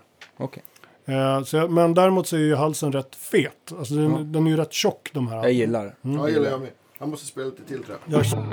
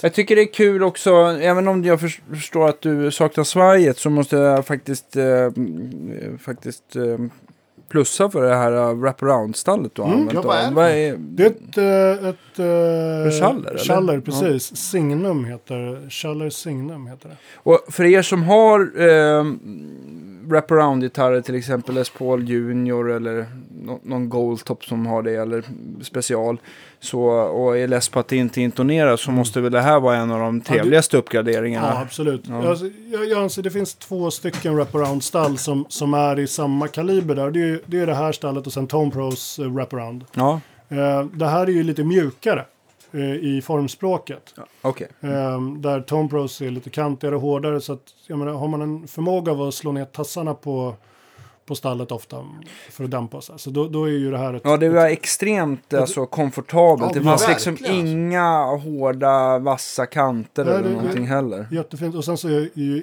liksom intoneringsmöjligheter gott om plats att flytta sadlarna fram och tillbaka och sådär. Så det, är, ja, det, är ett, det är ett kanonstall om man gillar wraparound-stall helt klart. Som jag gör. Ja. Eh, jag vet att det finns en, en mindre tillverkare som heter Pigtail också som gör Just som det. är bra stall. Men där har jag för mig att, att det, eh, nu är det ju så om man ska prata material att de gör ju hela sitt stall i både sadlar och eh, själva wraparoundet i aluminium så att det blir ganska det blir väldigt mycket topp och skopat sound av det. Jag får att de här är, inte det, är det mässingsadlar fast, Mässingsadlar, fast, fast eh, själva stallet i övrigt är gjort i aluminium Ja, så att man får ner precis. vikten. Stämmer. Ja, de originalen från Gibson var ju eh, eh, aluminium. Och sen så tror jag att de här som, du ser de här som kommer lite senare på 60, jag vet inte om det är 60-talet eller 70-talet till och med, som är lite färdigintonerade. Som det, det står, Ja, just ofta, ah, de är alltid intonerade för spunnen G-sträng av någon Mm. dum anledning. Ja. De är väl gjorda i någon, någon, Ja, något pulverstål av något slag. Eller järn eller ja, pass. pass. Ja, Ja. verkligen. Mm. Historielektionen. Men det jag gillar med den där också, att den finns även med, eh, med piezosadlar om man skulle Ja, just det. digga sånt. Ehm, så det, det är en, många valmöjligheter. Verkligen. Ja, otroligt ball. Man blir... Ja, men det är väl den, den känslan man vill ha, både som byggare och eh, kund, att man vill ha, man vill ha den här vill ha, vill ha känslan Ja, helt men enkelt. visst. Den, den glittrar och den eh, sparklar väldigt mycket. ja. Och jag Kommer... kommer, rör på den, det är skitgott. ja, och jag, jag kommer ha de här i butiken ifall någon vill komma och klämma på dem. I alla fall två av dina aurorer. Mm. Ehm, nu har jag semester nu, är vecka 26, 27, 28. Men, eh, men eh, sen är det bara att komma och klämma och känna på de här. Och eh, en handbyggd gitarr i den här kalibern, det är ju, ja, det är ju många timmars eh, eh, ligger bakom. Och vad, vad har du lagt det för prisläge nu? Eh, de där Auroran den börjar på 27 000. Ja, Eh, sen är det lite beroende på hur den är konfigurerad eh, med och träslag och så vidare. Ja. Men man kan väl säga att ja, hårdraget mellan 27 och 35 ungefär om man verkligen geekar ur med Brasilien och så vidare. Eh, men då, då är det ju som jag som vi redan har gått igenom så är det ju väldigt high-end från början med, Mm. med liksom rostfria brand, Lundgren-mickar eh, och så vidare. Och plekat och klart. Plekat och klart, ja. Ja. Det är grymt. Ska vi ta in eh, den tredje också? Ja, för det var ju en helt annan historia. Ja, ska...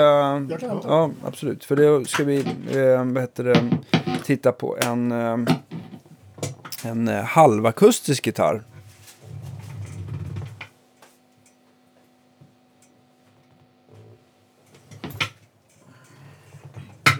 Stämd den är. Den har precis varit ute och giggat. Ah, vem har fått eh, glada äran? Nu ska jag passa på att göra lite reklam då för min frus systerdotter som precis har släppt sin första singel. som Ja, heter jag- Svea. Eh, Heter artisten eller? hon, eller? artisten heter Svea. Eh, hon har släppt en låt som heter Don't Mind Me. Så gillar man här R&B soul. Hon är 18 bast, skitduktig. Och hon spelar gitarr också. Nej, det är hennes pojkvän faktiskt Ah. som, som backade henne på gitarr här på en spelning på Lydmar för eh, någon vecka sedan. Så att eh, allihopa in och lyssna på Spotify nu. Fan, hjälp henne att komma upp i listorna. Ja, Absolut. Ja, Det måste vi kolla. får lägga det på... eh, Jag får göra det. på Ja, men visst.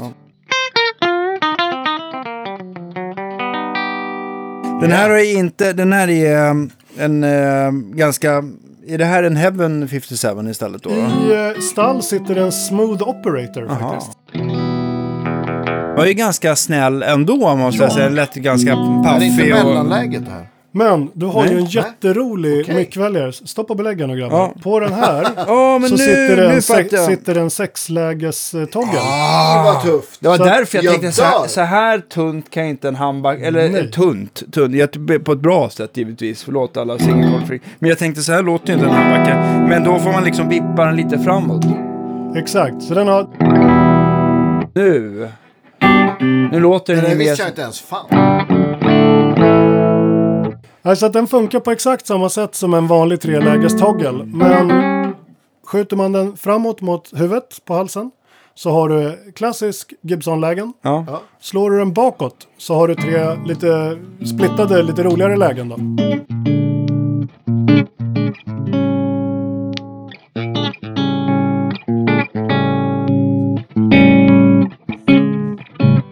Sexläges-switch. Jajamän. Vad, vad blev det för mick i halsen då? Där sitter en Heaven 57.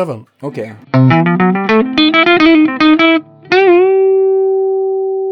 Vad bra sustain i den här också. Ja. Ja.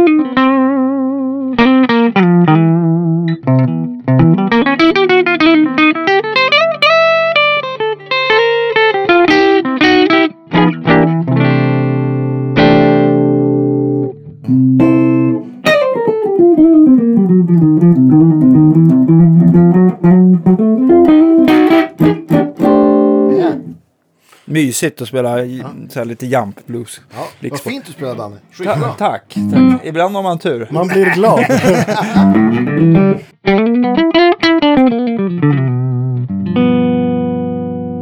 Va, vad heter den här modellen för låt? Den här kallar jag för Lunar. Varsågod, Också lite, varsågod lite rymdtema.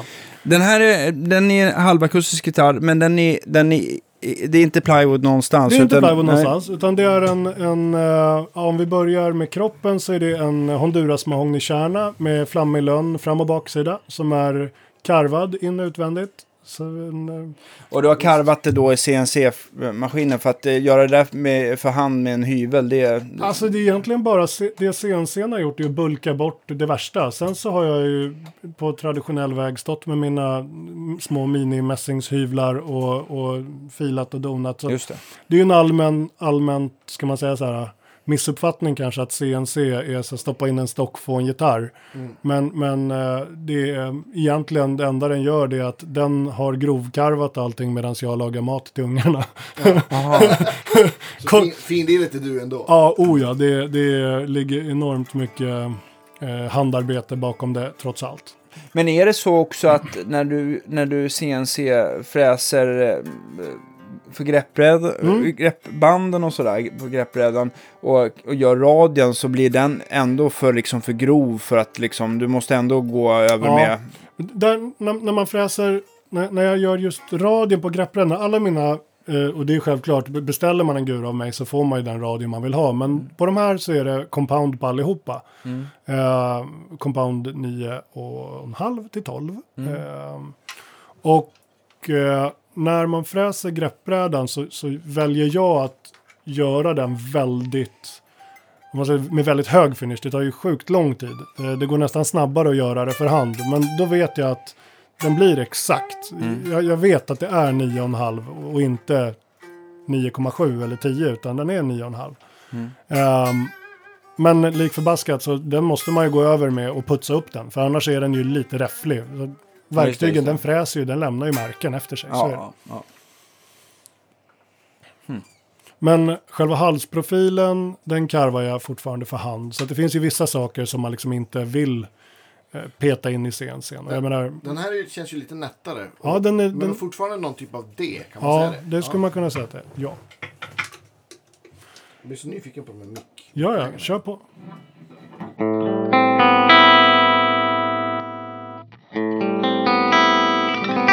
Jag, så, jag såg när, när du, när, när du eh, hajade till eh, vad, vad det var för mickväljare så, så såg jag framför mig hur många gitarrer jag måste modifiera till det.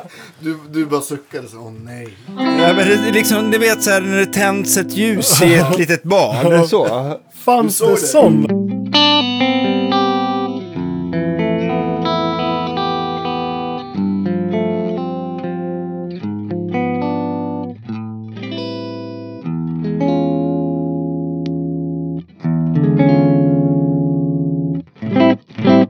Faktiskt att det är väldigt, nu låter ju stärkan otroligt bra också och så trivs jag med lir och allting. Men är det inte väldigt bra splittlägen? Fantastiskt. Jag tycker nästan att det var som bäst, men det är att den där gitarren är så fyllig i sig. Det blir inte tomt. Split, splittlägena är i hals så har du singelläge. Ja. I, mitt, Oh, fara. I mittenläget så är det en seriekoppling av eh, eh, båda bakre spolarna på humbuckers. Så att det är den och den bakre, ja den säger jag och pekar. Är det, är det stallmicken parallellt helt enkelt? Stallmicken och eh, eh, halsmicken, de två bakre spolarna.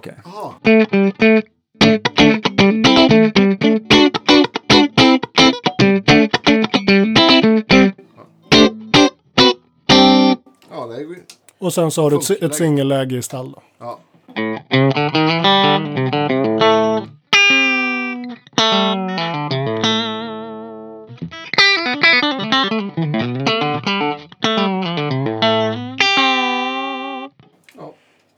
Också väldigt snygg Ja, eh, modell faktiskt. Hur kommer det sig att det inte blev wraparound på den där, utan där valde du mer ett vanligt Tunomatic? Alltså jag ville ju göra en, det där är ju en väldigt klassisk, alltså designen på gitarren är ju en väldigt klassisk design. Eh, vill, vill jag tycka i alla fall. Mm. Eh, hämta inspiration från gamla klassiska jazzburkar även om den är Mm. lite mindre liksom. Eh, och där kändes det som att ett Tunomatic är mer som, rätt för modellen. Eh, så. så det är bara egentligen ett rent designval i det här. Det står ju Lunar här på den till och med. Ja, det gör ju det. Titta på den. Klart och tydligt. Eh, vad betingar en sån där? För det är ju några moment till, tänker jag. Ja, eh, den där, bero, samma sak där, beroende lite grann på vad man, liksom träslag och är lack och så vidare. exotiskt. Det ska Ja, bli, ja. så jag kan väl säga från 35 och uppåt. Mellan, Ja, 30, väldigt rätt och m- fint. mellan 35 och 250. Ja, precis. Sen, det beror ju på ifall det ska vara ett eh, stall i, i, i Full- 24 karats guld eller inte. Precis. Mm. Och Och diamantinlägg diamant side dots, precis. Dotsen här ska vara diamant. Det kommer på Om man vill kombinera sparkle finish med sunburst är också...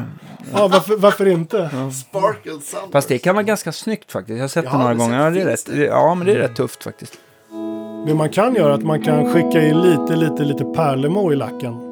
Eh, bara för att få den att blänka lite. Men då blir den lite så här, alltså pearl, alltså nu tänker jag, blir den, går den åt metallic-hållet då eller? Nej, utan snarare sådär. Alltså, det det är så, om man kör en riktigt, riktigt finkornig pärlemor så kan du få den att den egentligen bara förstärker blänk, strålkastarblänket liksom. Så att den upplevs mycket, mycket blankare och djupare än vad den Ah, faktiskt är. okej. Var det det du hade gjort med din blåa gitarr? Ja, stämmer. För, men den var ju så här, den var, den var så här, äh, Men där gick jag ju bananas. Ja. Eh, Jag har en till, eh, för er som inte har sett den då, så har jag en till eh, eh, sån här archtop som jag hade med mig ner på fastmässan som i grund och botten är svart, men som jag duschade över rejält med, med, med pärlemor över. Ah, Och det, den vart ju till slut blå av all pärlemor, men den, den gl- glittrar ju fint också. Så Mm. kan man säga. Men för att, Har du någon Instagram för dina gitarrer? Ja, det har jag. Det är så enkelt. Nordin Guitars. At Nordin Guitars. Och även på Facebook samma sak där. At Nordin Guitars. men jag tänkte på den där blåa, för det var nästan så här, man tänker att den är en ganska, inte mörkblå, men en relativt, Mm. den går ju mer åt det mörkblåa hållet, men den var ändå transparent. Jag vet inte om det var någon askkropp i grunden eller om det Nej, var... det är faktiskt i den, det är en björk, eh, en björktopp och björkrygg i den. Okej. Det. Okej. Ja, det var ganska, men det var en snygg ådring i alla fall. Ja. Eh, och, och, Nej, förlåt. Ja, nu tänker du på den Auroran jag hade. Ja, just det, just det, Ja, ja. ja. Nej, den, det var en, en Corina. En Corina med Just det. Seafoam-aktig lack. Men hade du hade Pärlemo i den? Ja, den är, det är det också. Ja, för, för den, den såg nästan Pärlemo. så här, den såg så här, att, nu, nu vill jag inte lo- att det här ska låta negativt, men den såg nästan så här lite radioaktiv ut. Ja, Ja, ja men jag, jag köper det. men liksom så att det liksom, det, det liksom nästan lite självlysande känsla. Och det är väl det du menar att det gjorde den här fina Pärlemo-pulvret. Ja, d- där ligger det. Sista, någonstans där mitt i när jag klarlackade den så fick jag ett ryck och blandade i lite pulver i den och, och så vart det så. Den är jättetjusig. Pärlemopulver, det verkar också vara en sån här grej som inte luktar så himla gott va? Det luktar ingenting. Jaha, okej. Ja, Ja. det luktar inte som eh, pulveriserat ben? Eller Nej, nej, absolut inte. Det är väl säkert. Det, det står på påsen att det är pearl powder, men det är väl några jävla plastbitar som Ja. är nermalda. Okej, ja.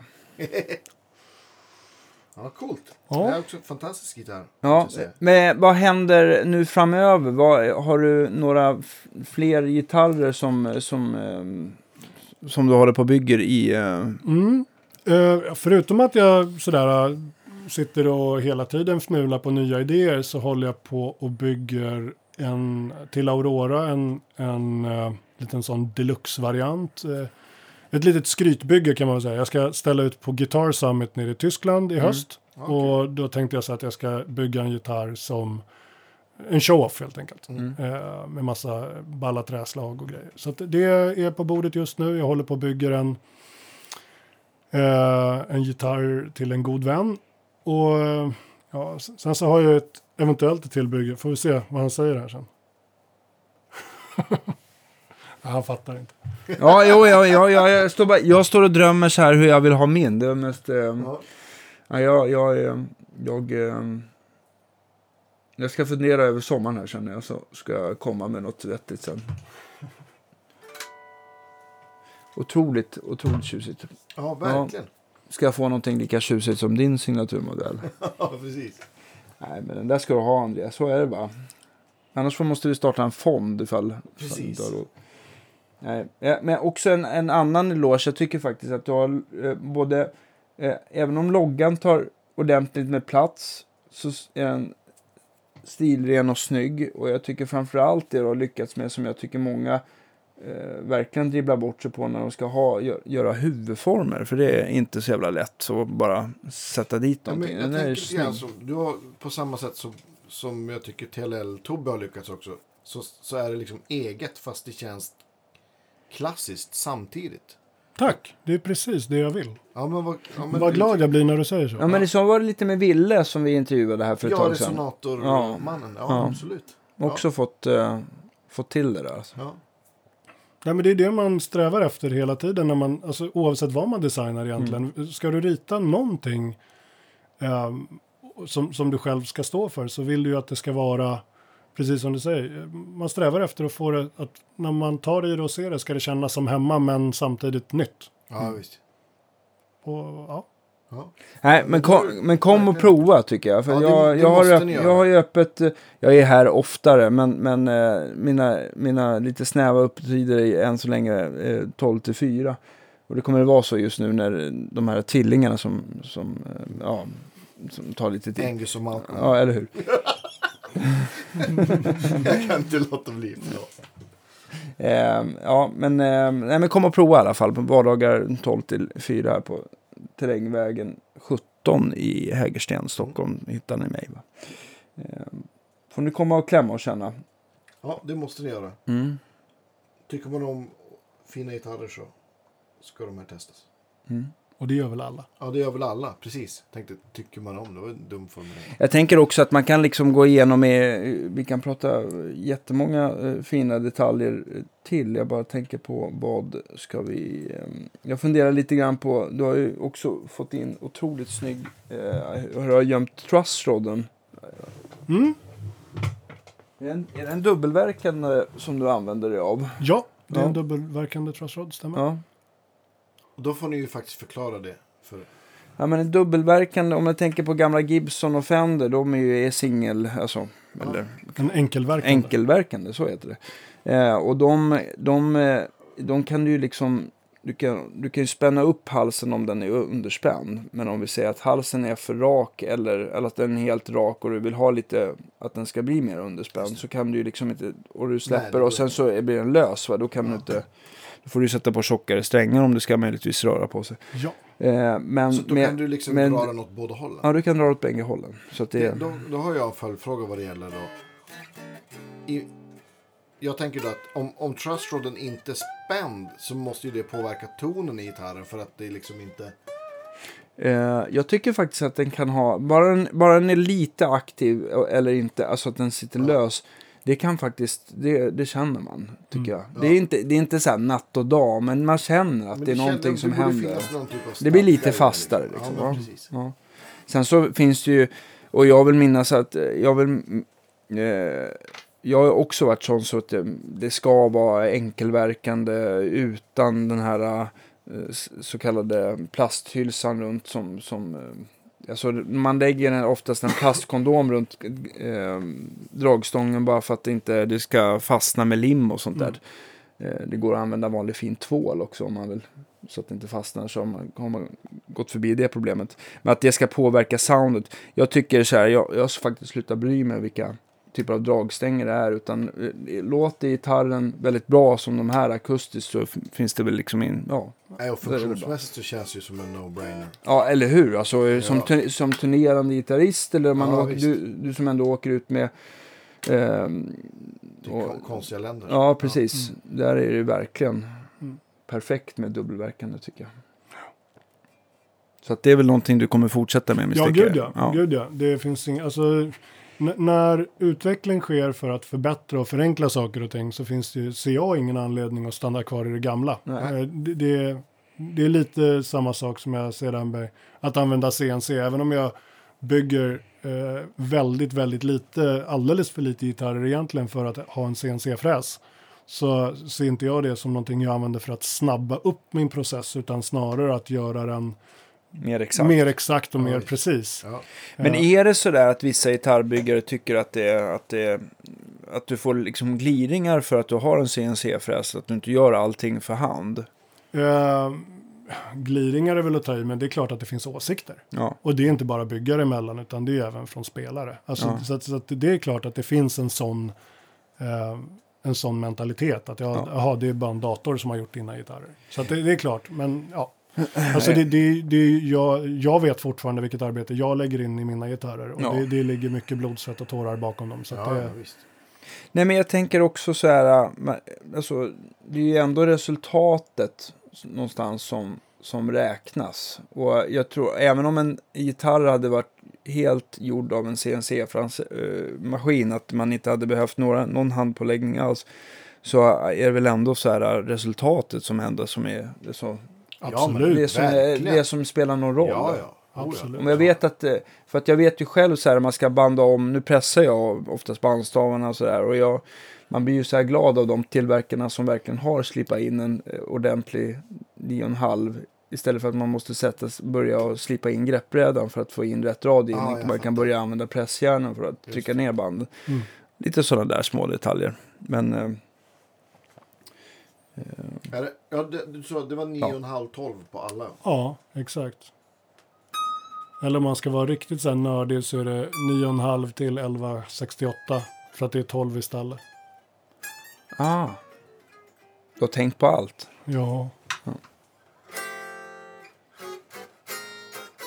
Ganska liten compound egentligen. Eller Ja. väldigt lite. Alltså det, det som, det som bruk, brukar vara det är att, eh, vad är det? 10-14 eller? Ja men 10-16 är väl ganska så här G- Jackson-standard tror jag. Ja, okej.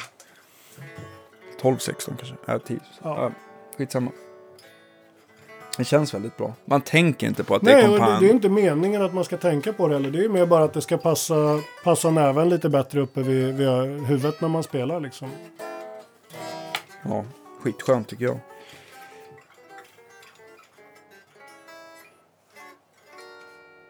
Ja. Ja. Några mer funderingar? Nej, inte så på rak arm. Nej? Jag tycker vi har, har jag har fått lära mig en himla massa roliga grejer. Och Ja. spela på tre fantastiska gitarrer. Men jag kände det du tyckte var roligast, det var den här sex-leg-switchen som du kommer sätta i varenda Gibson-gitarr. Ja, det var ju faktiskt, det var ju lite... Jag kanske, inte, jag kanske, inte ska berätta, kanske inte ska berätta för Danne vart man köper dem för säkerhets skull. Nej, jag har sett dem till salu. Jag har faktiskt installerat den någon gång när jag jobbar på Deluxe. Men eh, jag vet inte fasiken, finns de där på Stumac och de där? eh? Ja, jag tror Strumach kan ha det. Ja, Jag tror det. Jag är men inte det, säker. men det finns säkert på fler ställen Ja. givetvis. Ja. För er som undrar så heter den Freeway Switch. Så kan man googla på det. Ja. Coolt. ja. Kom så installerar jag, det är inte så svårt. Det, är, det, det som är jobbigt är det om man inte har en splittbar handbacke. Ja, om man måste gå in och ta isär och sätta Precis. en sån. Ja, Ja, då är det lite jobbigare.